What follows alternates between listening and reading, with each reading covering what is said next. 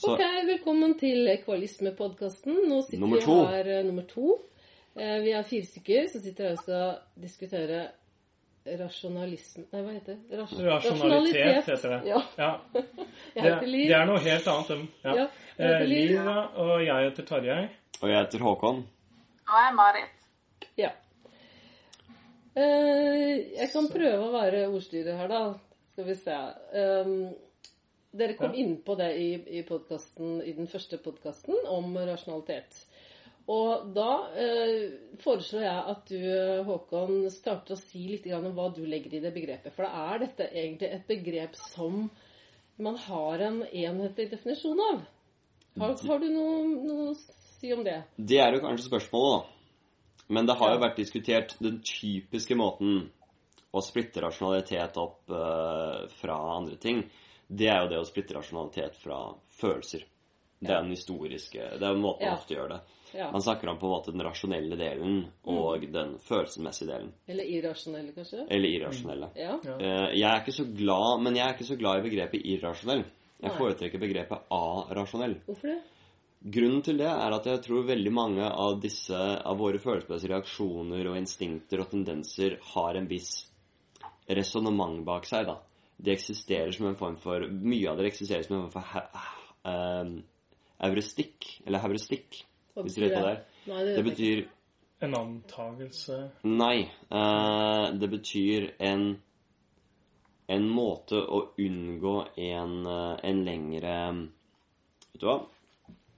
Vi har internett. ja. Sånn, sånn som jeg Vi har oppfatter ordet, da. internett. Nei, altså, vi har internett. Vi trenger ikke drive og oppfatte ting. Vi kan dobbeltsjekke og være helt sikre på at vi har vårt på det tørre her. Eh, Jeg har tenkt å være litt nøyere med det hvis vi snakker om den type ting. Ja. Eh, er- som det heter på engelsk. Heuristics. Ja, det er, det er, det er simpelthen hvordan man best oppnår å lage kunnskap. Så det er jo et veldig veldig bredt begrep. Oh, ja, det Men det er en sånn slags, det er en slags kunnskapsbegrep. Mye av det vi ikke kan rasjonelt forsvare, Ja. som vi på en måte har, har intuisjoner og tanker om, er fordi hjernen lager informasjon som den ikke er helt selvbevisst. Altså den er ikke helt klar over informasjonen den lager. Det er et begrep som øh, Ja, dette er jo, kommer tilbake til han eh, Nei, dette er jo han Thinking Fast and Slow-fyren. Hva er det han heter? Eh, han som skrev Thinking Jeg vet ikke. Gidder du sjekke det? Slå opp eh, Thinking Fast and Slow. Det er en bok, veldig kjent psykologibok. Men, men liksom for å, for å Han, han brukte begrepet expert intuition. Ekspertintuisjon. Som i essensen betyr at eh, en person som har jobbet veldig mye med noe og ekstremt mye erfaring, han kan få en følelse av at her er det noe. Han kan ikke, kan, kan, kan ikke artikulere det. Du kan ikke egentlig si at det er rasjonelt, men følelsene viser seg veldig ofte å være korrekt. Fordi informasjonen lager ting, hjernen lager ting underbevisst. Ok. Så det Ja, er en form eh, for sånne ting som er litt opptatt av dette her med situert kunnskap. eh, Mm. Kunnskap Mm. som man ikke nødvendigvis kan uttrykke i ord, og som kanskje til en viss grad Kanemann. blitt ødelagt hvis man setter ord på det. Daniel, Ja. Daniel Kahneman. Det, eh, det, er- det, er- det er jo litt sånn som Sherlock Holmes jobber, ikke sant? At eh, Mm. eh, når han bare sier ting, så høres det veldig imponerende ut, og folk skjønner ikke åssen han greier å komme fram til det. ikke sant? Og når han forklarer det, så høres det så banalt ut, og så høres det ikke imponerende ut lenger. Men ingen andre greier å gjøre det samme som han. Men det er mener du bare da veldig vanskelig å sette ord på komplekse mm, prosesser, spesielt prosesser som eh, baserer seg på erfaring, eh, kanskje sitter på en måte mer i kroppen enn noe som man har resonnert seg fram til i hodet, men som likevel fungerer som et slags kunnskapssystem. Men kaller du det da Eh, det irrasjonalitet eller Det, rasjonalitet? jeg sa det A-rasjonalitet. A-rasjonalitet? Det vil si at det er ikke rasjonelt, men det er ikke irrasjonelt Nei, heller. ok, det er en mellomting, da. Nei, det er ikke en mellomting. Ikke det heller? Det er en annen prosess. Okay. Altså irrasjonelt, det er noe som eksplisitt går imot rasjonalitet. Er noe dumt. Ja. Det er når man får panikk i en nødsituasjon og derfor ender opp med å fucke ting opp. Oh, ja. A-rasjonelt er ting man bruker andre metoder enn en, en på en måte Kognitiv. kognitiv tankegang, men det er likevel smart å gjøre det. Okay. Så Derfor Ja. liker jeg begrepet A-rasjonelt. Og det er også, men dette gjelder mer enn bare ekspertintuisjon. Bare et eksempel. Jeg tror noen av på en måte menneskelige instinkter som eh, gruppetilhørighet og, og um, disgust, ikke minst. Altså bare rett før Ja. dette, er, dette er veldig nyttige instinkter. Så man, kan, man kan ende opp med å resonnere seg ut av i noen situasjoner, og det kan være veldig destruktivt.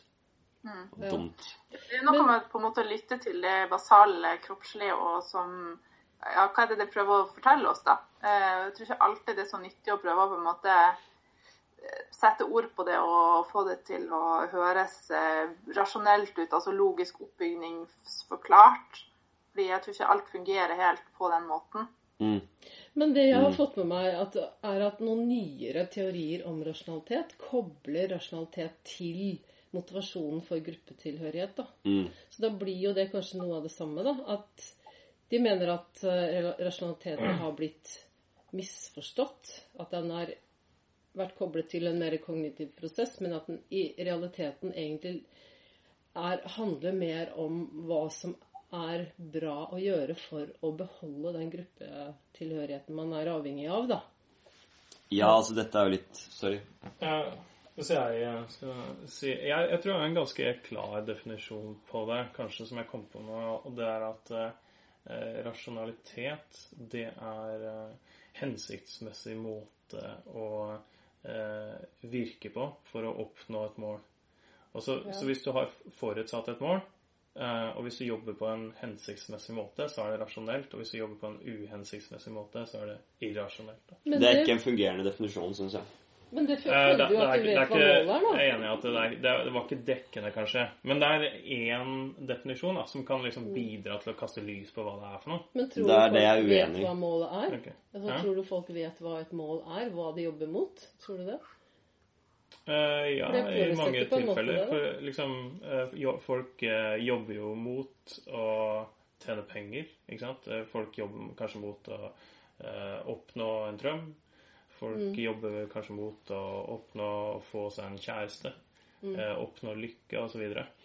Men du kan ikke bare si at alle hensiktsmessige ting man gjør for å oppnå et mål, er rasjonelt, for da er det for mye som havner innenfor den kategorien, inkludert ting som åpenbart ikke er det. Veldig, veldig altomfattende definisjon. Ja. Ja, da blir det liksom altså en forklaring som Mm. Har forklarer alt. Ja. Nå har du noen eksempler? Ja, jeg sa det nettopp. Alt det jeg forklarte om A-rasjonelle, altså expert intuition og alt mulig sånt nå, er jo nettopp eksempler på ting som, ikke er, som, som vi ikke kan definere som rasjonelle, men som likevel er hensiktsmessige for å kjempe mot et mål. Men så går det an at jeg er uenig i det. da. Ja. Ja, men jeg tror de altså, det, da fors- Du kan være Du har lov til å være uenig, selvfølgelig. Men du må også akseptere at noen ganger så tar du feil, og da faller den uenigheten inn i det er lov til å ta feil. Selvfølgelig, jeg sier ikke nødvendigvis med, med sikkerhet at du tar feil, men jeg, jeg Jeg, tror jeg du syns gjør du det. skal være litt åpen her, egentlig. Ja, det er lett å si det når du prater med en person som er uenig med deg. Og det Ja, det er kan lett å hende si du har at rett. personen som du er uenig med, tar feil også. Du kan, det kan hende du har rett, men dette her er altså spørsmålet her er en definisjon hensiktsmessig eller ikke.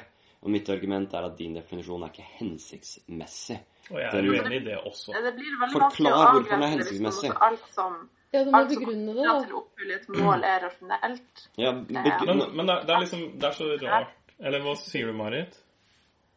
Nei, altså, jeg er litt med på det. Altså, det er jo det vi diskuterer om, om, eh, om et skille mellom det som er rasjonelt, og det som eventuelt er hensiktsmessig, men som ikke følger den definisjonen da på, på det som er rasjonelt. Eh, at det, om det kan være fruktbart å ha et skille der, f.eks. For, for å få fram eh, hensiktsmessige ting som kan gjøre basert på intuisjon eller erfaring, eh, som man, men som man ikke nødvendigvis kan forklare. Man kan ikke logisk eh, bygge opp at jeg Mm. gjorde sånn fordi sånn og sånn og sånn. Det er mer en eh, her er, her er, her er en rasjonell avgjørelse. Dette her er smart, og så gjør man det, og så funker det. Men man kan ikke nødvendigvis Mm. Forklare hvorfor det fungerer på den måten. Og noen ganger så kan det ødelegge hele hensikten. Det å prøve å forklare det kan ødelegge prosessen. Mm. Håkon, kan du Altså, Hvis jeg skal definere rasjonelt, så er det noe du kan alltid gjøre rede for hvorfor du gjorde hvert eneste skritt Ja. i utviklingen. Altså Hvis du kan gjøre rede for ok, jeg gjorde det fordi jeg tenkte det, fordi jeg tenkte det, fordi jeg tenkte det, og derfor gjorde jeg, det, og alt gir mening, da er det rasjonelt. Men det er i ettertid. Det kan hende. Og da er det åpne spørsmålet det. Ja, men, i, Men ok, hvis det er i ettertid, Mm. så betyr jo det jeg er ikke at- enig. Jeg er ikke enig. Da, da, da, da, da Ja, for det har jo konsekvenser for definisjonen. Hvis- Da uttrykte jeg meg galt. Ja. Da var det, okay. det var, og, det, det, og det var for så vidt En gang til. Prøv. Ja. Jeg mener at en rasjonell avgjørelse er en avgjørelse du gjør etter at du har tenkt over hvorfor du har lyst til å gjøre en avgjørelse. Altså, Ja. det var den måten jeg uttrykte meg på, endte opp med å gi en gal definisjon i essensen. Okay. Så det jeg mener, er at hvis en person, hvis, du- hvis, hvis en person sier OK, jeg tror det beste å gjøre i denne situasjonen er det og det og det, forklare hvorfor, og så gjør det, da kan du si klart at det er en rasjonell avgjørelse. Men hvis, Hvis du det- nå sier at hvis jeg det er- tror vi må gjøre det på den måten, Håkon men kanskje jeg skal hvorfor ferdig. det pleier å funke, la oss gjøre det. En Marit, type- men nå, var- nå må Håkon være midt i noe. La Håkon få snakke ferdig. Uh, nei, bare for å snu den tilbake igjen. Hvis det er på en måte, som du sier, en situasjon hvor en person forsøker å gjøre rede for det etter at de alt har gjort noe, ja, da er det jo et åpent spørsmål. Da, da er det jo ikke sikkert at handlingen var rasjonell. Da kan det hende de bare har konstruert en rasjonell forklaring, på det i ettertid. Rasjonalisering. En rasjonalisering. Ja, du rasjonaliserer Og det er jo- fordi Mm. Jeg gjorde det fordi Men det var ikke egentlig derfor de gjorde det. og det er jo det en god del, en god del Og det er her, her vi nettopp kommer til det interessante begrensningen til rasjonalitet. For det er ganske mye kognitiv vitenskap. Jeg tror det var det du siktet til nå, Liv. Korriger meg hvis jeg tar feil, men jeg tror det var det du siktet til. At det kognitiv vitenskap viser jo nettopp at i de fleste situasjoner så er det nettopp den rekkefølgen man gjør det på.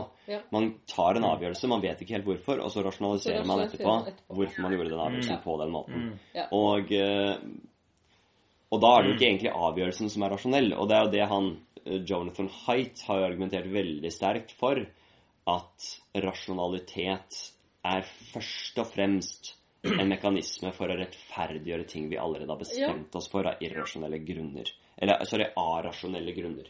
Ja, og Eh, det er vel egentlig det samme jeg men, viser til de Jeg husker ikke hva de heter for noe. De som har kommet med nye, nye Så teorier. derfor- Det er den samme. Men da etter min definisjon av rasjonalitet, så er ikke de avgjørelsene rasjonelle. Nei. Eh, en rasjonell avgjørelse en avgjørelse hvor tanken kommer først. Avgjørelsen kommer etterpå. Men så er Altså spørsmålet handlingen da ha, Er det mulig å se konsekvensene av sine handlinger på forhånd? Ja, det er rett og slett kommer Er det disse her eh, rasjonelle avgjørelsene, hvis de finnes, som kommer fram til det beste resultatet? Eller er andre metoder like gode? Eller i hvert fall Og i noen tilfeller kanskje bedre. Ja.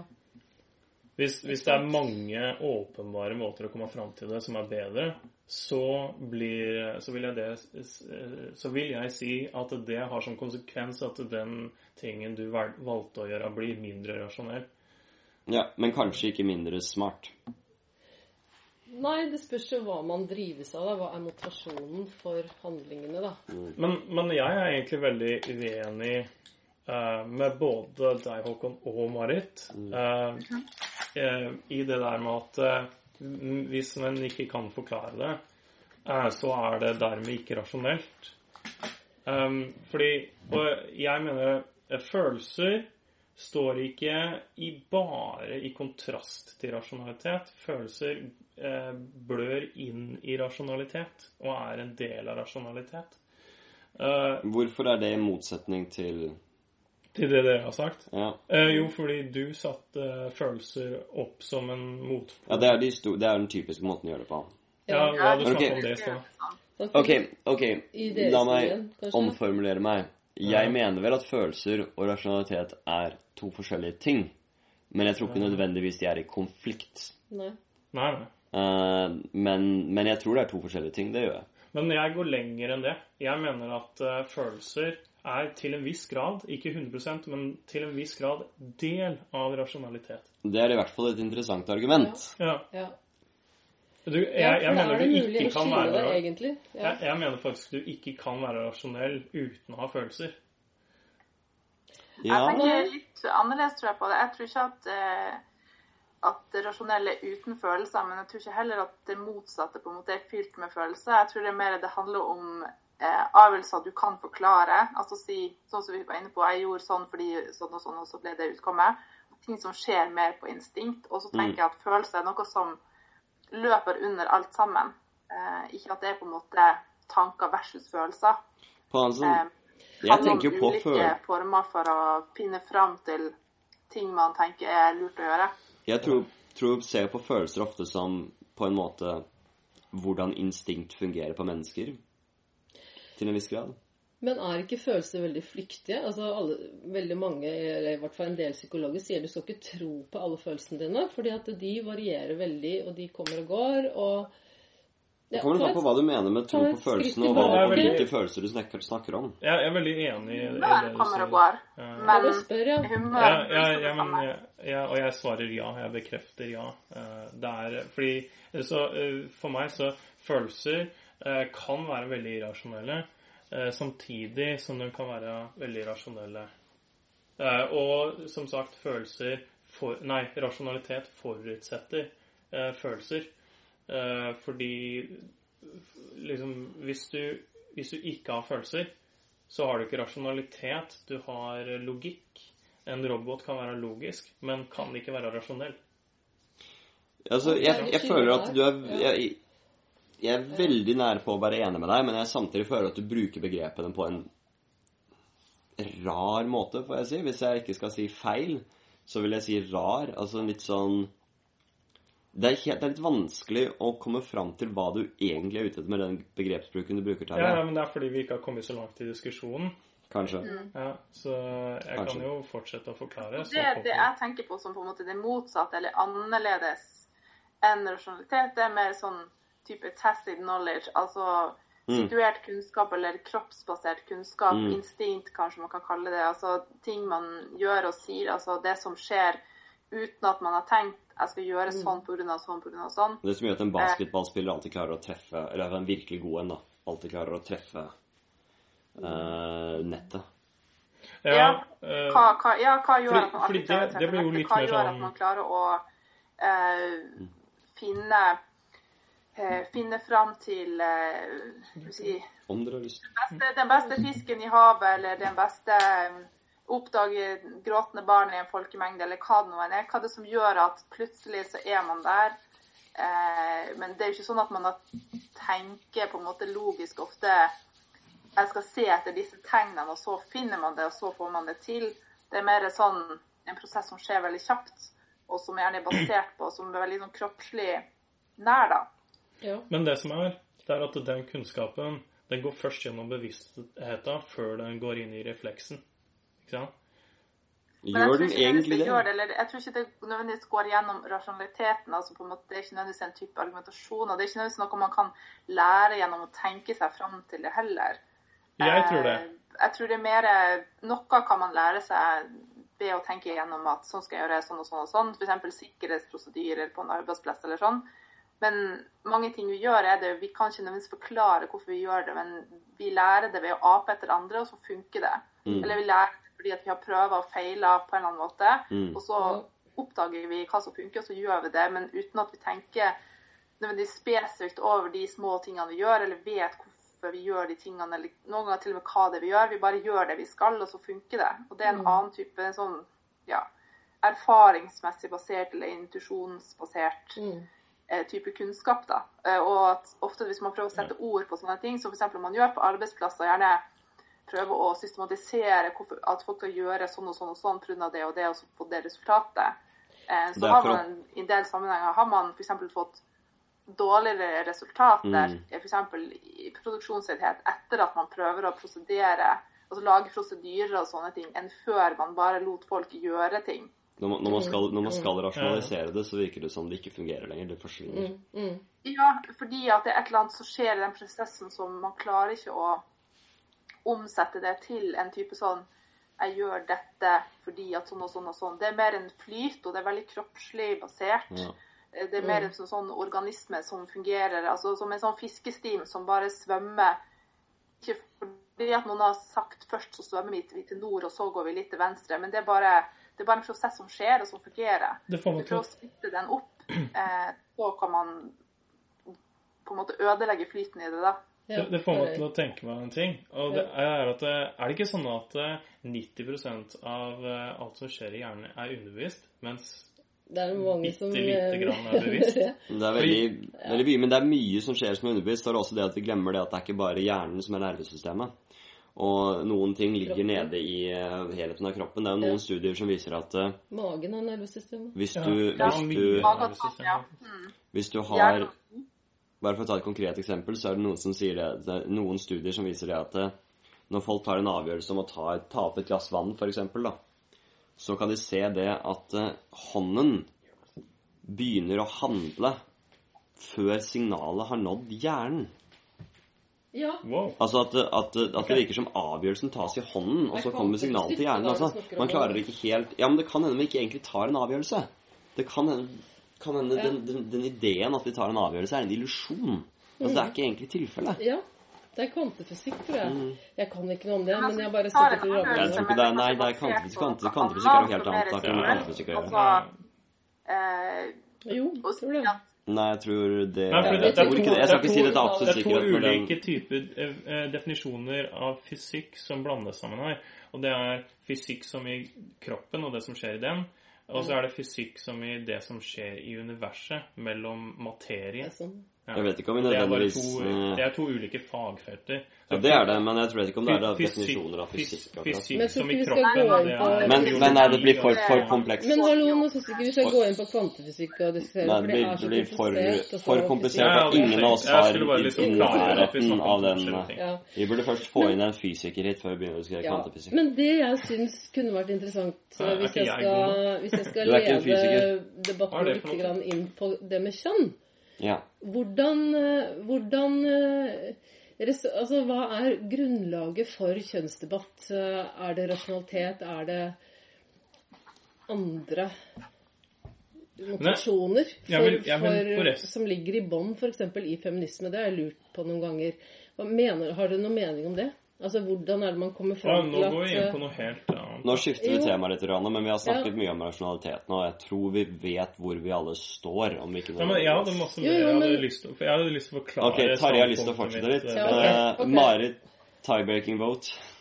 Jeg mener Eh, ikke å skifte tema, jeg mener å koble rasjonalitetsdiskusjonen Ja, jeg vet jeg vet jeg vet jeg, jeg, har noe å si Men om, det blir jeg, jeg har noe å si om det òg. Jeg tenker at det er veldig smart at vi eh, blir, eh, liksom utforsker begrepet rasjonalitet, for da kan vi bruke det på en mer samforstående måte i framtida. Og jeg tror det blir veldig sånn nyttig. Sånn at vi liksom kjapt på ja, rasjonalitet, det, er- det mener vi det med, ikke sant? Ja, og det mener i podkasten? Ja, ja nei, ja, i podkasten, Ja, i framtida. Ja, i Og, og helt podcaster. generelt. Uh, ja, men da er vi litt sånn på Da kommer vi i fellen som eh, Marit snakket om, at eh, noen ganger når man forsøker å artikulere noe, så forsvinner uh, Forsvinner fordelen av det. Den for, for- forsvinner ikke, for vi tar det opp. Ja, nei, altså Det var ikke det jeg mente. Det jeg mente, var at som Marit sa Marit kunne kanskje forklare dette bedre enn meg. Hun har jo akkurat sagt det. At når man artikulerer ting for mye, Ja. så, så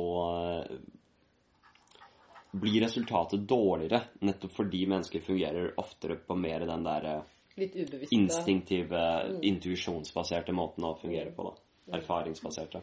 Men er det det samme som ubevissthet? Det kommer litt an på, ikke den freudiske forstanden. Um, Jeg, jeg, jeg, er begge deler. basert, Både og. kroppsbasert, eh, situert kunnskap, da. Ja, det, det, det, eh, sant. Det er ikke akkurat det samme som, som Freud-basert forstand, men det er, det er for så vidt ubevisst, ja. Du har faktisk ikke bare u, u, eh, ubevissthet, men du har jo også underbevissthet. ikke sant? Ja. Som, det, er, det er jo ulike grader også. ja. ja. Så Underbevisst blir vel da mer den freudiske, freudiske greia. ja, ja, Det må ikke være det. ikke sant? Det er ikke sikkert at du godtar Freuds eh, syn på det i det hele tatt. men Å nei, jeg så- sa ikke at jeg gjorde det. Nei, nei, men en tilfeldig person, da. så Eh, underbevisst da tenker jeg jo mer det som ligger under, da. Men at både rasjonalitet, altså det å kunne artikulere hva du mener, hvorfor du mener, hva det fører til osv., og, så og mer sånn instinktiv, kroppsbasert, selvsbasert kunnskap, det handler jo om noe som er opp og fram. Eh, det er på en måte ikke det er ikke noe mer hemmelig på en måte i å kunne altså kan jeg si for eksempel kroppsbasert kunnskap, kunne sykle. Hvis du skal forklare hva du gjør når du sykler altså ja, men fordi Altså, du kan jo det, men det, det er jo vanskelig. Eh, og jeg tenker at liksom Det er jo også noe annet enn det å sykle. Jeg kan si at jeg setter meg på en sykkel og så tråkker rundt og, og sånn og sånn. Har du aldri, Eh. Tarjei, har du aldri prøvd å virkelig tenke over hva du er, er du gjør Jo. når du sykler? Jo. Fordi min erfaring med det er at da mister jeg kontrollen over sykkelen. Da detter du av. Ja, da detter man av sykkelen. Ja. Altså, jeg tror, det er, jeg tror det er Du må være veldig veldig, veldig spesiell for å klare å sykle og samtidig tenke det på hva her, du driver ikke med. sant? Det er jo det her du gjør. Sånn. Det er mye mer enn det. Ja, Det er så mye mer. Ja, det er jo balanse. Det er at du- Ja. Det er- jeg tenker- jeg tenker er over det mens jeg sykler. Alle mulige små bevegelser. Jeg tenker aldri over det, men en gang jeg begynner å tenke på nå det snakker vi veldig i munnen på hverandre. Ja. Når du sykler, når du svømmer, til og med når du puster, for å forklare hva du gjør når du puster, så, så vil jo mange oppleve at plutselig begynner man å puste ujevnt, puste rart, fordi det er en flyt som går av seg selv, ja. og som ikke er ubevisst på den måten. Man er jo bevisst at man puster, men den reflekteringa over det ødelegger prosessen da, Mm. lett. Så du mener, mener du da at, eh, at eh, det man lærer, går via kroppen og så opp i hodet, på en måte? Altså at man da etterpå eh, har en kognitiv eh, forklaring eller argumentasjon som kommer etter? Noen ganger, men noen ganger kommer ikke den forklaringen. Nei, den blir borte. Nei, men, Men i noen tilfeller man kan man ha en type kunnskapsproduksjon som, som ikke nødvendigvis er så situert. Mm. Og det trenger ikke bety at man da er styrt av på en måte det underbevisste heller. Men jeg mener, det, det er to ulike måter å, å få fram kunnskap og produsere ting på. Ja. da. Eh, Det ene som, som på en måte enklere kan artikuleres eventuelt, man kan prøve å sette Mm. ord på det etterpå. Og andre som er veldig sånn kroppsnært, da. Men Eh, et, Og som kanskje på en måte lettere med, kan settes ord på ved hjelp av poesi enn, enn å skrive en avhandling av, av, om det. Da blir man kunstner. Men, men altså eh, jeg, jeg, eh, jeg, jeg tenker liksom at eh, det er, det er, rasjonalitet er ikke bare det du kan forklare. fordi det er jo veldig mye du er fullt bevisst på som du heller ikke kan forklare. ikke sant? Det er litt, Mm. det er litt tilfeldig hva du kan sant. forklare. Det må tilfeldigvis finnes ord som du kan bruke til å forklare det, f.eks. Ja. Og det er ikke sikkert det gjør. Det er bare du har et språk, og, og Ok, det det, er sant. Man tenker ting, tanker som ikke er Altså i hvert fall noen mennesker, jeg tror det varierer litt. Det finnes jo folk som har an, anfantasia, som det heter. Men man tenker Man tenker utgangspunktet ting som er ganske rasjonelle, men man ikke bruker ord for å tenke, da. Det er korrekt. Det vil jeg være enig i. For eksempel Mm. så har jeg en tendens til å visualisere ting. Ja, ja, for Altså jeg sitter og, når jeg er sitter og tenker om vil jeg si. Det er en form for rasjonalitet. Det er ikke, det, er ikke det vi snakker om her. altså Det er ikke sånn Så, så rasjonalitet rasjonalitet er mye mer enn det verbale og Ja, 100 men det er fortsatt resonnert. Mm. Det er fortsatt resonnert. Det er. Det er fortsatt et bevisst resonnement, selv om det kan være vanskelig å oversette til ord. Ja. Altså det er for eksempel Det fører til det, fører til det. Selv Jeg om du ser det som en stillfilm snarere enn ord. Jeg forsøkte å forklare til, til noen elever en gang hvorfor jeg mente at, eh, at eh, kommunister og nazister hadde mye til felles, men likevel var dømt til å gå i tattene på hverandre. Mm. Uh, og jeg, men jeg, jeg måtte tegne en tegning for å gjøre det. Fordi jeg klarte ikke å uttrykke meg på noen bedre måte. For jeg måtte på en måte vise Ja. hvordan du vet at kommunistene deler inn samfunnet i disse klassene. Mm. Og de går på tvers av måten altså nasjonalister og nazister ender opp å dele inn i disse her rasegruppene eller nasjon, nasjonene, avhengig av hvem det er. Og, men fordi disse går på tvers av hverandre, Mm. altså du har folk i alle, på tvers av alle sammen, så må disse gruppene nødvendigvis komme til en konflikt. konflikt. Men dette er mye lettere å forklare i form av en visualisering enn det er å forklare med ord. Mm. Men det er fortsatt men Ja, ja. Jeg har, jeg har blitt flinkere til det. Det var det jeg har tenkt mye på hvordan jeg skulle forklare det. Mm. Men, eh, men det må sies at eh, de elevene var ikke fullt så flinke så, så studie som dere er. Men, men for å forklare litt Men det er- mer eh, Men det er, det er, det er et eksempel på noe som er artikulert, men ikke nødvendigvis i ord. da. Ja. Ja. Men- Ja, men men apropos Jeg tror ikke Tarjei- mente mer enn det. Har gått på PPU, Ja. og da lærte vi en del altså, triks eh, som gikk bl.a. på det med kroppsliggjøring. Eh, F.eks. læring at, at f.eks. hvis man eh, eh, hvis man tar på hverandre for eksempel, og hører lyder og sånne ting, så, så stimulerer det ting liksom, i læringsprosessen eh, som ikke nødvendigvis er bevisst. Det er ikke sånn å, nå kom det stimuli, så derfor lærer jeg det.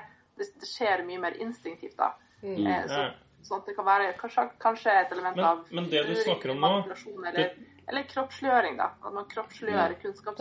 Men, men det, fordi det du sier nå, det tenker jeg at eh, det er i stor grad rett og slett et resultat av den begrensninga vi har. Fordi det vi tenker bevisst, det er veldig lite, mens vi kan ta inn veldig mye mer enn det vi tenker bevisst. Mye mer informasjon, ja. Det er sant. Ja, og liksom når vi tar inn info og lærer ting, så er det liksom mye som går inn uten at vi er bevisst på at det går inn. Og det er det vi har sagt. Men, bare, men, men, det, men det kunne vært Det betyr ikke at det ikke kan være bevisst, men det betyr bare at eh, noe av det blir un underbevisst fordi det er ikke eh, liksom plass til det i bevisstheten. Men det, Det, kunne gått det, gjennom det det. vet du ikke. Nei, nei, men det er det jeg Dette tror. er en- dette er dette er en antatt påstand. Det er det jeg tror, da. Og jeg tror det er mye mer sannsynlig at det motsatte er tilfellet. Eh, så, så det er, det er to, to ting. Så jeg tror det. Og to, eh, jeg mener ikke 100 så klart. Jeg mener at noe, noe er rett og slett bare undervist. Men eh, kanskje veldig lite, da. Eh, eller liksom eh, hvis La oss si at vi hadde ubegrensa bevissthet. Eh, liksom, og det er jo veldig motsatt av det vi har nå. Eh, Da tenker jeg at da ha- hadde det vært veldig lite som ikke hadde gått gjennom det. Eh, Men tror du bevisstheten kan utvide seg? Er det derfor Ja, vi holder på å diskutere og jeg, jeg tror at bevisstheten er begrensa rett og slett av fysisk plass oppi hjernen vår. Så hvis du hadde utvida den fysiske plassen, så større hoder? så kunne Ja, større huer, rett og slett. Så kunne mer gått igjennom der. Uh, Altså, det det er, det, det, det er et sånt punkt hvor jeg på en måte Jeg kan være enig up to a point, men det er et veldig begrenset punkt. Altså selvfølgelig større hjerner, mer brain power. Altså on average så tenderer folk som har Det er andre faktorer òg, veldig mange Ja. andre faktorer. Men on average tenderer folk som har større hjerner i forhold til kroppsvolumet, da, må Ja. sies. Men større hjerner i forhold til kroppsvolumet tenderer til å være smartere enn folk som har mindre hjerner i forhold til kroppsvolumet. Men dette, dette er generell average. Det er unntak, det er andre grunner, andre faktorer som spiller inn. Så det er helt klart, og det, dette er veldig klart når man ser på dyr. At man ser at det er en sammenheng med hvor intelligent et dyr er, og hvor tung hjernen er i forhold til, Ja. eh, i forhold til kroppsvekten. Det er vel en evolusjon. så evolusjon... gjør det med koblinger mellom de ulike deler av hjernen. Ja, det er andre mekanismer òg. Eh, Ja. dette, er dette er bare All other things being equal, så er det en sammenheng. Ja. Og så, så på det nivået er jeg for så vidt enig med Tarjei, men jeg vil også for så vidt til en viss grad argumentere for at det er en litt åpenbar ting. Men på den var det åpenbart at hvis du, hvis du Nei, hadde et sånt romvesen med et så stort hode som er det som ellers altså Det det lille romvesenet med liten kropp og gigantisk hode, ikke sant, hvor alt sammen er en hjerne, Ja. vil sannsynligvis være Hvis hjernen er ellers lik et menneskehjerne, så vil den sannsynligvis være jævlig smart. mm, Veldig, veldig høy IQ. ja. Men jeg tror fortsatt at han tar feil i jeg tror, det jeg tror er hans sentrale poeng, på en måte. Jeg tror fortsatt at en slik hjerne vil bare ende opp med å holde mye mer informasjon av den artikulerbare kunnskapen. Jeg tror fortsatt 90% sannsynligvis mye mer av, av potensiell kunnskap i verden ikke egentlig kan artikuleres i den rasjonalitets... I det vi, det vi forstår som rasjonalitet, da. Men, men det er jo altså Sjøl om du liksom tidobler hjernens volum, så er jo det er fortsatt liksom veldig lite i forhold til all informasjon som er i universet. Ja, men det er ikke det jeg snakker om. Det er ikke Nei, det, jeg, vil, jeg, er ikke det nei, det er ikke det jeg snakker om. Er, jeg, forsøker eksplisitt å si hva det er jeg snakker om. For der, der tror jeg altså du er jo Selvfølgelig, jeg tror ikke du påstår at en tidoblet hjerne vil kunne inn- inneholde all informasjon i universet. Nei. Selvfølgelig ikke. Minnekapasiteten er for liten. Ja, men, og ikke, ikke, og ikke, ikke, ikke, ikke engang all den artikulerbare informasjonen, hvis, Nei, nei. hvis det er 10 ikke, av det. ikke mye av den heller. Nei, nei, nei, men det er ikke det jeg påstår. Eh, Det jeg påstår, er at mye av informasjonen kan ikke i prinsippet læres. Å ja, såpass, ja. En Ja. sterkere på Kan ikke okay. i prinsippet læres. ja. Det er det jeg påstår. At det Ja. bare er ca. ti, eller sannsynligvis mindre enn det. Opplæring, da. Fordi- Altså, det er jo Ja, det er jo man kan lære, men det ja, ja altså, det med lære artikulert. Lære rasjonelt. Lære artikulert. og så skjer det noe, men det er ikke nødvendigvis at man tenker det som, som på en måte små bevisste enheter som man kan sette ord på og si at Ja, det, er- det, det, det jeg mener. Du kan, du kan lære mye, men det behøver ikke være Fordi, artikulert. fordi jeg tenker faktisk at i prinsippet så kan hver enkelt ting Altså la oss si at vi ser helt bort ifra bevissthetens eh, ekstreme begrensning, så tror jeg at i i prinsippet så kan absolutt alt eh, liksom tenkes bevisst og liksom og, og skjønnes bevisst. Eh, som, en, som hver enkelt ting. Liksom. Eh, eh, Hvis du slipper å liksom tenke på alt rundt, så kan du liksom konsentrere deg om bare den tingen, og så kan du tenke den bevisst. Og at du Nei, altså, Vi skjønner hva du- mener nå. hvis- hvis du Vi skjønner veldig godt hva du mener nå, hvis du tar Tarjei. små nok biter, så kan du ta hva som helst. Vi skjønner nok skyve pedalene framover på den måten. Jeg skal holde blikket på veien på den måten. Men da er du på en måte Da tar du for deg en liten bit, sant? et steg i den Mhm. Det er også ekstremt det er Men også- når du er sykle og skal på en måte, eller kjøre bil eller hva det er, og skal holde alle de, alle de små kunnskapsbitene sammen, så skjer det noe annet. Da er det mer du er i flyten, du er en del av sant? Kan til og med kjennes ut som sykkelen er en del av deg, Mm. eller bilen eller en del av deg, eller hva vi vil.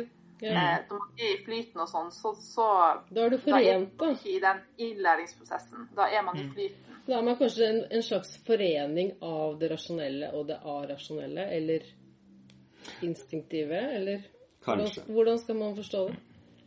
Jeg tenker at det er ulike typer kunnskapsproduksjon, meningsproduksjon, som, som henger sammen, da. Det henger jo sammen. og at hele poenget med å dele inn i f.eks. rasjonalitet og arasjonalitet, Eller et annet ord man kan finne på, det intuisjon eller kroppslig basert kunnskap, eller hva vi vil, Ja, det er det er å se på ulike måter man produserer kunnskap på, og ulike prosesser hvor man kommer fram til å ta en- en avgjørelse. Altså Mm. Noen ganger så tar man jo veldig kloke avgjørelser, men man vet ikke helt hvorfor det skjer. Eh, Det er, det er ting som skjer som på en måte kan framstå som litt uforklarlig. Jeg vet ikke om intuisjon er et godt ord heller, men der man kan se i etterkant at her var det en eller annen type klokhet som spilte inn. Mm. Men jeg kan forklare hvordan jeg kom fram til den avgjørelsen jeg tok. Men det var en god avgjørelse. Mm. Det er ganske, det er ganske mye konservativ filosofi som har vært ekstremt opptatt av dette. er Helt tilbake til eh, skikkelser som Friedrich Hayek, Ludvig von Mises, uh, Thomas Sowell, Roger Scruton. Uh, Riktignok ganske forskjellige filosofer med ganske forskjellige argumentasjon og holdning, og Hayek kalte seg aldri konservativ, men, uh, men de har Men alle de argumenterer ut fra det uartikulerbare kunnskapselementet. Mm. Uh, og det er en veldig sånn sentral del for meg som er konservativ, kan jeg si at det er en veldig sentral del. Det er jo interessant for så vidt, også feminister har vært opptatt av det. Uh, for det er en veldig sentral del av, kons av mer sånn highbrow konservativ tankegang, og har vært det veldig lenge. Og dette er de store argumentene mot at konservative ofte er mistroiske til forsøk på å rasjonalisere samfunnet, da. De liker ikke den type ideer. Mm. Altså fordi det, det er noe med de distribu... Altså veldig opptatt av distribuerte systemer og eh, Både i form av frie markeder, men også i form av ting som eh, gamle eh, eh, Hva skal jeg si Normer og regler for hvordan ting fungerer, som er utviklet. Kommer det til å høres på opptaket? Sannsynligvis. Men, men jeg tenker, hvor skal vi med denne debatten her? Altså, hva, hva, nå har vi diskutert litt uh, ulike tilnærminger til uh, rasjonalitet.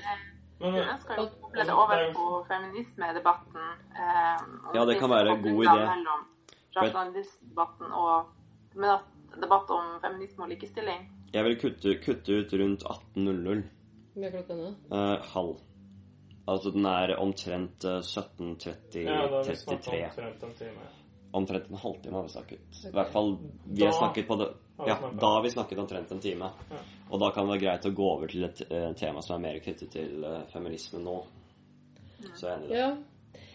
Nei, altså, for det er jo et av argumentene i feminismen, da, at kvinner har jo på en måte blitt eh, ekskludert av kunnskapsproduksjon, sånn som du snakket om, altså kunnskapsproduksjon, fordi de ikke er rasjonelle nok, da, eller at de har en annen situert kunnskap, eller de er så, de er så kroppslige, de er knytta til kropp, de, det er så mange kroppsprosesser i en kvinne som ikke skjer i en mann, da Mm.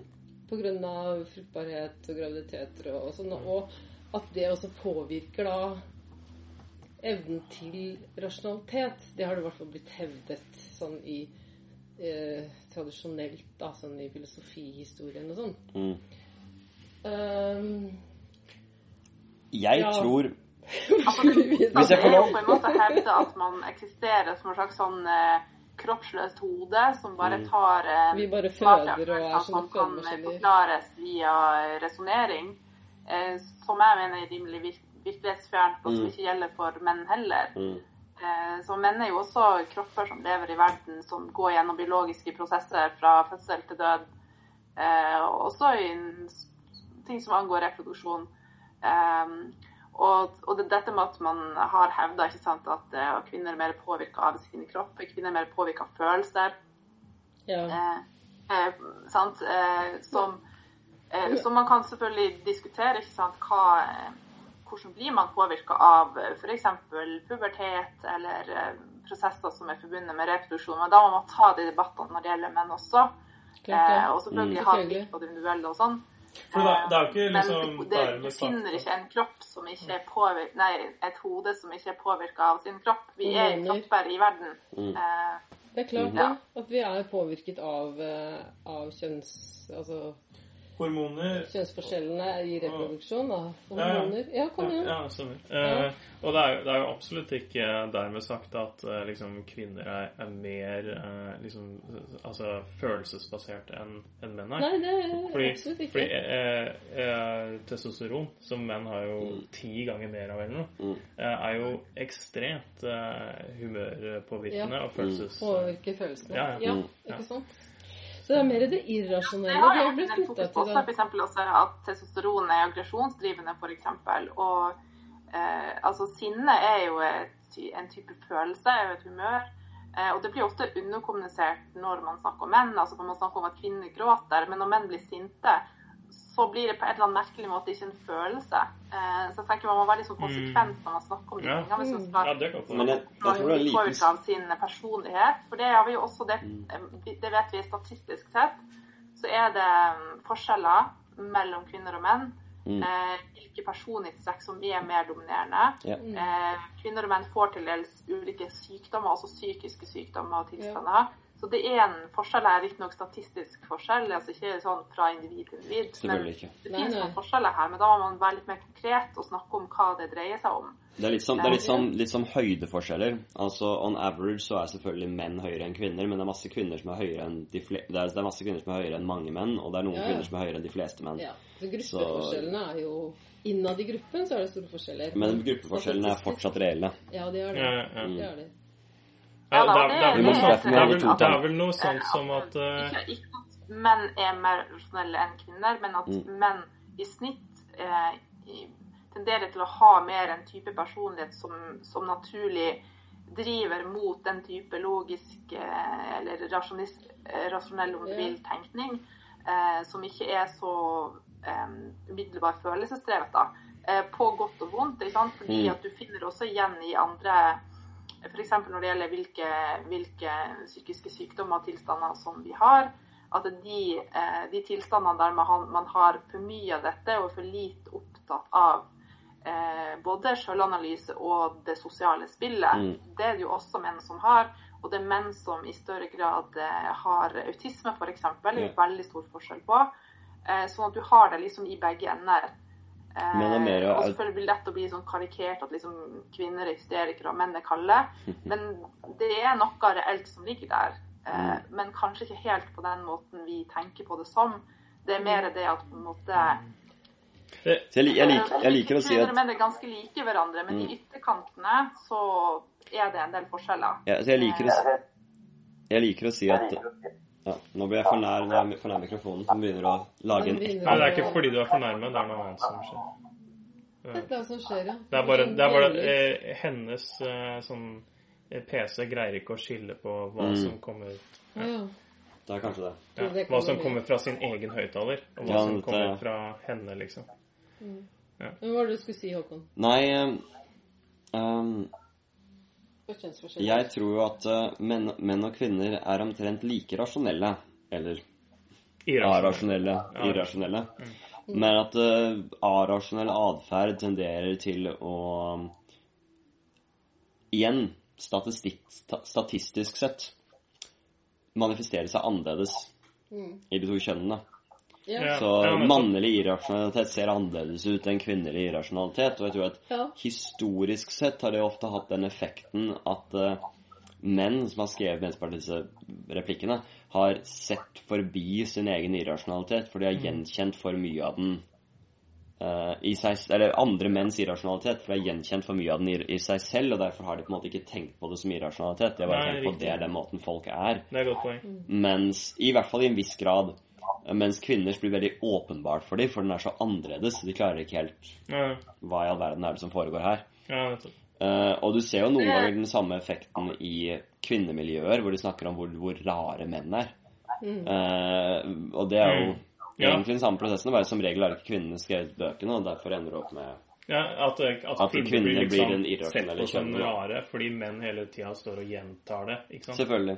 Ikke, ikke det at mennene alltid påstår at andre menn er rasjonelle. Man har jo definitivt sett på en måte konflikten mellom hjerte og altså du er, Det er en grunn til at du har arketypen Achilles og arketypen Odysseus, som er på en måte altså Achilles er den irrasjonelle, og Odysseus er den rasjonelle. Fordi Achilles er konstant drevet av sine lidenskaper og raserier, da. Eh, så man har på en måte sett det, men man har ikke, man har ikke vektlagt det så mye, fordi man har på en måte man har hatt en såpass forståelse av det. Når, ting, når, når, når, når de irrasjonalitetene er veldig annerledes, så ser de mye mer irrasjonelle ut. Ja.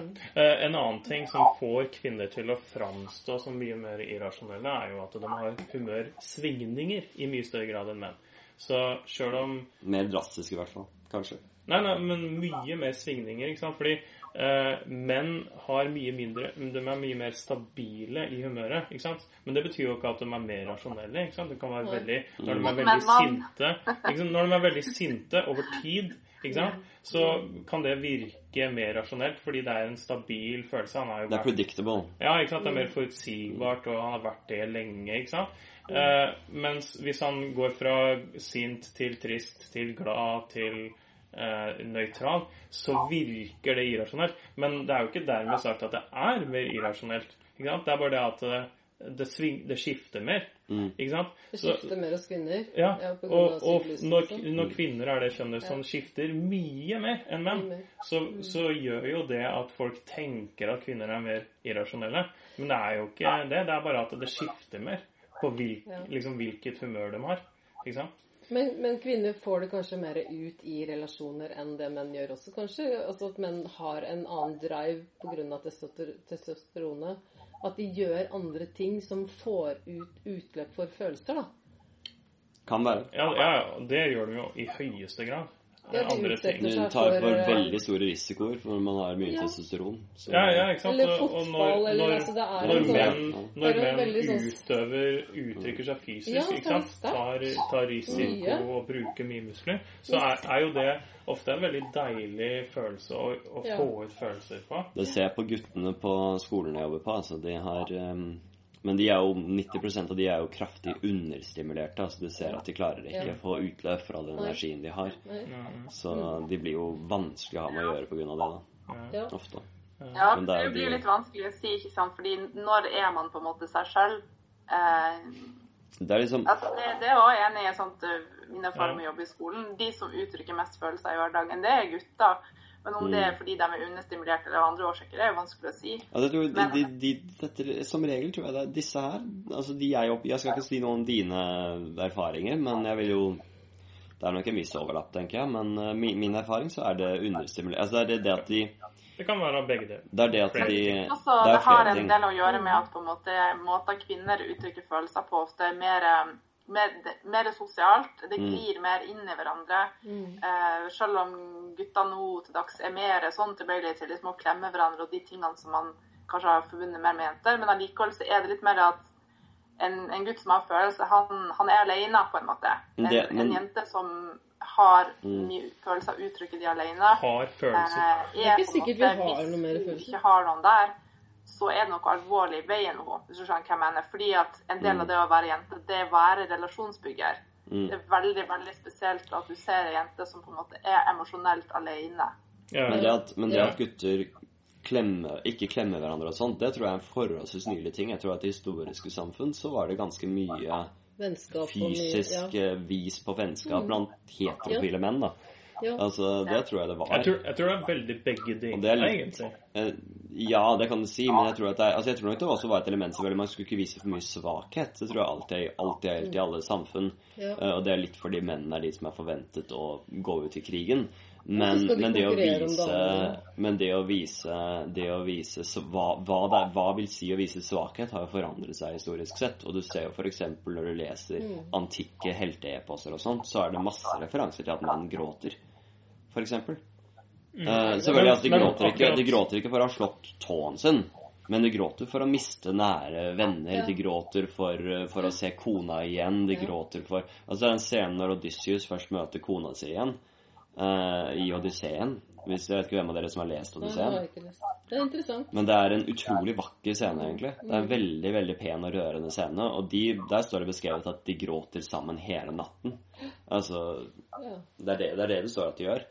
Og så En kan jo anta at de gjorde andre ting òg, men, øh, men, men Nei, det skal ikke liksom gå så, De var liksom så, så, så glade over Altså uttrykket at Odysseus, som er liksom denne supermaskuline mannen Etter absolutt alle kriterier så er han en veldig, veldig maskulin mann.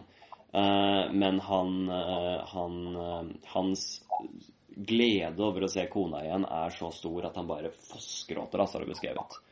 Og det er sett på som en, en hedersting, da. Det er så tydelig at det er en sånn Det viser at han er For en ekte mann viser også tilhørligheten og ømheten når han er sammen med de han genuint bryr seg om. Men- det er et tegn på at han virkelig bryr seg om disse Ja, ja, ja. Men, men det er jo en spesifikk Familien kultur dette kommer fra. da. Så det kan Ja, ja. jo være mer, eh, liksom, eh, mer sånn der enn i liksom Noen andre Ja, det er prinsippet et grei Ja, da innvending. man jo Ja,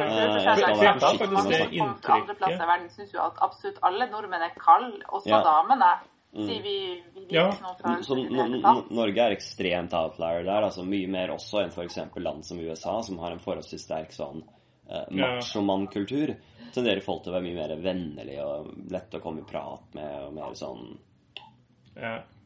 Enn det Men er det mer overfladisk, eller er det altså, Jeg har den følelsen. Ja, har Det kommer vel litt an på folks erfaringer og sånt. Jeg syns det er eh, det er veldig koselig. Men jeg får ikke tid til å Men jeg, jeg kjenner noen amerikanere veldig godt, og de liker jeg veldig godt. Jeg er blant mine, mine gode venner. Mm. Uh, men så er det når jeg, er med, når jeg er i USA, så er det ikke sånn at jeg får masse venner, men jeg er der bare en uke. Eller mindre eller mer noen ganger, da. Men også den, den gangen nå når jeg var på mitt lengste USA-opphold på tre uker, så dro jeg jo fra sted til sted hele veien. Så Ja, men det ser man jo også. Altså det, dette med personlighetsforskjeller og sånn. Det er f.eks. veldig store forskjeller på eh, for hvilke personlighetsforstyrrelser man får ettersom hvilket sted i verden man bor i. Eh, Hvorvidt det er kultur eller Ja, det det er er mer biologisk basert. Eh, Men altså, Mm. i Norge for eksempel, så får vi jo typisk eh, sånne personlighetsforstyrrelser som går på det at vi vil gjerne stikke vekk fra alle andre. Mm. Eh, eller å være for seg sjøl og være sære, liksom. Det, det er mye det vi får her. Og så blir jo det liksom miksa litt inn på eh, for, forskjeller som går på kjønn, da. Men at eh, sånne ting har jo også veldig mye med kulturforskjeller eller forskjeller mellom land og områder å gjøre.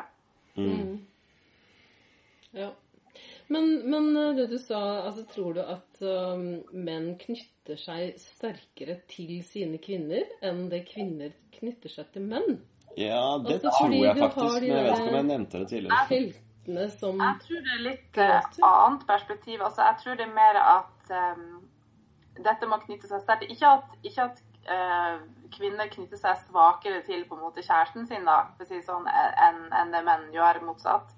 Uh, jeg tror ikke det er egentlig det det går på. Jeg tror det går på noe litt annet. Og det at kvinner i større grad knytter sånne sterke bånd til folk de ikke er kjærester med også. Mm. til mange Uh, at kvinner, ja, at kvinner barn. på en måte typisk har en kjæreste, mannlig kjæreste, da, hvis de er heterofile eller bifile. Mm. Eh, og så har de liksom en bestevenninne eller to eller fem Ja. som også har en sånn sterk plass i livet deres, da, Ja. som, Mm. som menn også selvfølgelig kan ha. Men det er en tendens, og det vet vi også statistisk sett, at kvinner har flere nære Ja. venner. Ja. Vi vet også at menn ja. vet også at menn tenderer til å ta samlivsbrudd verre ja. i gjennomsnitt ja, enn kvinner. At, kvi- Gå inn i at dama er ikke bare eh, dama. Eh, Mm. sant? Altså, alle syns at samlivsbrudd er noe dritt, men da blir de på en måte Har gjerne fått den bestevennfunksjonen i litt sterkere grad da, Mm. eh, enn det har for kvinner. Ikke fordi eh, kvinner ikke bryr seg om eh, sine menn og den de er Mm. sammen med, og ikke opplever det båndet så sterkt, men det er fordi man også har andre sterke bånd Ja. som ikke blir brutt da, gjennom Mm. dette samlivsbruddet. Så får man også Ja. sterke bånd til barna. det tror jeg. ja. Det tror jeg nok. Ja, altså, Det sier seg jo sjøl at eh, du tåler jo motgang og det å miste venner mye bedre hvis du har mange andre venner å falle tilbake på. Du har gode relasjoner. Ja, ja. Ikke sant. Det er jo Og det, det er jo alfa og omega ikke sant? for å ha et sikkerhetsnett. sånn at Det det. eh, Fordi alle kommer til å oppleve eh, liksom harde slag i livet. Så når du har da et godt nettverk, så takler du det så veldig mye bedre. Ja. Og Det ser vi også f.eks. da at det er typisk menn, men det kommer, holder på å endre seg litt, men typisk menn også tar f.eks. det hardere å miste jobben fordi eh, veldig mye av på en måte det man verdsetter ved seg sjøl og det man presterer og sånt, ligger på jobben. Menn jobber jo mer. Eh, spesielt jobber mye mer overtid, og da med liksom rent sånn tidsmessig tilbringer med mye mer tid på jobb og knytte mer eh, bånd og mening til de prestasjonene man gjør der, og gjerne penger man tjener og sånne ting. Det er selvfølgelig et hardt slag for en dame å miste jobben, da, men hun mister ikke, mister ikke bestevenninnegjengen sin fordi hun mister jobben. Kan det, Eh. kan det være beslektet med den tendensen til at uh, menn på en måte må gjøre seg, må gjøre seg fortjent til tittelen Ja. menn? På en måte som kvinner ikke Ja, egentlig behøver å gjøre seg fortjent å tittelen være kvinner. mann er på mange måter mye mer sånn prestasjonsorientert, Mm. og at du får For å få det Du får lov til å være dame, på en måte. Da blir anerkjent som det. Eh, Mm. mer i kraft av å bare være, men også i kraft av de sosiale nettverkene du har å utvikle. Fordi, som jeg var inne på, det, det er veldig veldig sjeldent at du ser liksom jenter som er helt alene. Eh, altså Det er på en måte helt merkelig. Altså det, det er på en måte alltid noen der som er villig til å på en måte hente en inn. da, så da er Man er utrolig mye mer marginalisert som dame eller jente hvis man ikke har noen sånne nære relasjoner. Mm. Altså på, Med jenter er det mer sånn Å, hun er ganske ensom, hun har bare én bestevenninne, liksom. Mens, mens det, er jo den beskrivelsen mann òg, tenker ja, nei, men han ja, klarer seg jo, liksom. Han, han har det jo eh, gående for seg, på en måte. Eh, så det er et eller annet med det at eh, uansett hva du kommer av, da, men at eh, det sosiale altså Typisk så har kvinner mye sterkere sosiale nettverk, og, men ikke bare skaper det sjøl, men også blir henta inn i sosiale nettverk. At på en måte hvis det er ja, noen som står alene, det er et eller annet med det at det, det, det er nesten vanskelig å være liksom venneløs som det Da har du Ja, det var det jeg var i ferd med å nevne. inn for å på en måte ikke ha venner, for å si sånn. Men, men jeg nevnte også at det kanskje er fordi de kvinnene som faktisk er er isolerte, selv om de er mye færre enn mennene, men de har det kanskje enda verre enn mennene som er isolerte. Ja, For det er fordi så at eh, liksom Det det å være kvinne er veldig nært opp til å skape og vedlikeholde sosiale tradisjoner. Altså Mm. du, eh, du, du har dine venner som du er i kontakt med, og, og på en måte også i familien så får man noe typisk en mye mer sånn Man får en organisatorrolle, men også en type rolle der man får ansvar for det emosjonelle i familien. Eh, veldig mye lettere da, enn hva menn eh, gjør. Og de her tingene spiller jo sammen. ikke sant? Altså at Når menn jobber mer og kvinner jobber mindre, enten vi skal si at det er frivillig eller ufrivillig, men altså det skjer, det er statistisk sett sånn. Um, Og- Men det er jo sant? også Så- fordi kvinner også eh, ser etter menn med, med høyere sosioøkonomisk status enn seg selv. Det er Så, altså, det er jo en inngangsbillett til å få familie for mange menn, da. Jeg sier ikke si alle, men i hvert fall sånn statistisk så er det det. Nå er det bare fem minutter igjen av denne ordinære podkasten før vi begynner å avslutte. Ja. Så hvis det ikke er noen direkte protester, så var det en ting som jeg kom på som jeg har lyst til å ta opp, sånn at vi kan kanskje ha en større diskusjon om det neste, neste gang. Ja. Eh, fordi jeg begynte å tenke på det nå, når det, vi begynner å snakke om hvem som jobber mest av menn og kvinner og sånne ting, spørsmål som det der, da. Så er det jo denne studien som Morgenbladet nå har slått opp med bilde av Jordan Peterson av alle personer eh, på liksom coveret, som er liksom visstnok skal ha eh, revet ned eh, det skandinaviske likestillingsparadokset. Ja, jeg så. Um, har dere noen tanker om det? Eh, Ja. Hvilken del av paradoks tenker du på? Altså det at når man får lov til å gjøre det man vil, så velger kvinner tradisjonelle yrker og jobber mindre? Mm. Nei, altså at kjønnsforskjellene blir sterkere enn i Mm. likestilte land, da. Det er jo Ja, det er- det er eh, akkurat det hun beskriver. Ja. Mm. Nå må det sies at jeg var godt kjent altså Jordan, Grunnen til at jeg sier at det er litt sånn tilfeldig, er at ja, kanskje han er den som i nyere tid har tatt opp mest, men dette kjønnsparadokset har vært kjent siden 90-tallet, og blant annet Ja, ja. evolusjonspsykologer har jo snakket om det lenge. ja. Så Det det dette har ikke egentlig noe med og, men Peterson. med Jordan Peterson er jo det at han også tar opp ting som ikke nødvendigvis er veldig originale tanker eller ingen tatt opp før, men Mm. fordi han har så stor tilhengerskare og, ja. og på en måte fingre finger i så mange paier, så er det mange som hører om disse poengene for første gang. Ja. Selv om eh, sant, veldig mye av det han sier, framstår for meg som på en måte bare drøvtygging av gamle nyheter. Ja. Men eh, nå er jo jeg både 40 år og har lest og hørt ganske mye rart. Eh, sånn at det har nok like mye å gjøre med på en måte hvilke taleflater han har for å nå ut til folk. Mm. Men jeg tror at det er eh, tilbakevist, i hvert fall til en viss grad, at det fins fordi at eh, Altså, det kunne vi da diskutere videre, var det det du tenkte på neste gang? Nei, altså Hvis vi har en stor uenighet om det, så bør vi kanskje ta det på neste Jeg mener at det det? ikke stemmer, fordi at hvis du skal sammenligne ulike land i Europa, så må du også se på hva, hva slags arbeidsmarked de har. Altså For det første så deltar kvinner mye i større grad i arbeidsmarkedet i skandinaviske land. Mm. Eh, og vi har flyttet mange av omsorgsjobbene våre ut i det Men, offentlige. men dette er jo nettopp dette er jo nettopp det som likestillingsparadokset, er de som snakker om det, snakker om. Ja, Disse tingene. ja.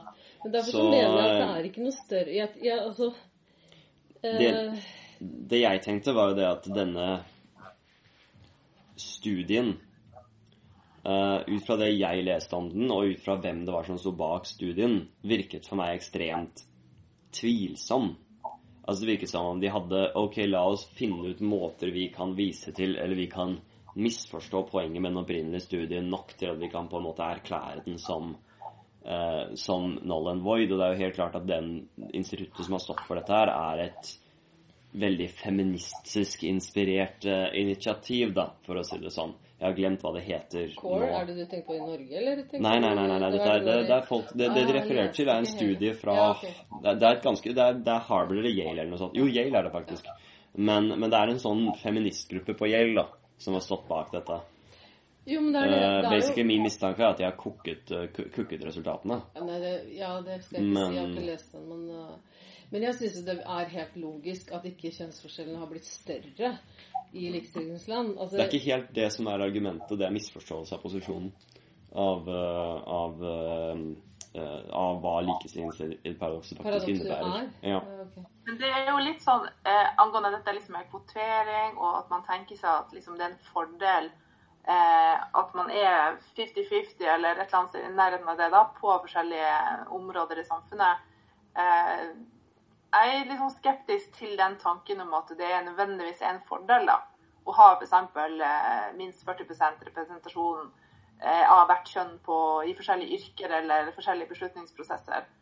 Um, og det er også fordi at um, jeg mener at man ofte får fram det som er best når du har de mest engasjerte folkene som, som er opptatt av det, og som er kvalifisert til å holde på med det. Eh, det jeg derimot syns er bekymringsverdig, er hvis du har felter på en måte under 10 Ja, eh, representasjon. Sånn type sånn som vi er i ferd med å få f.eks. innen psykologyrket. Der det er Ja, nesten ingen menn som kommer inn på psykologistudiet.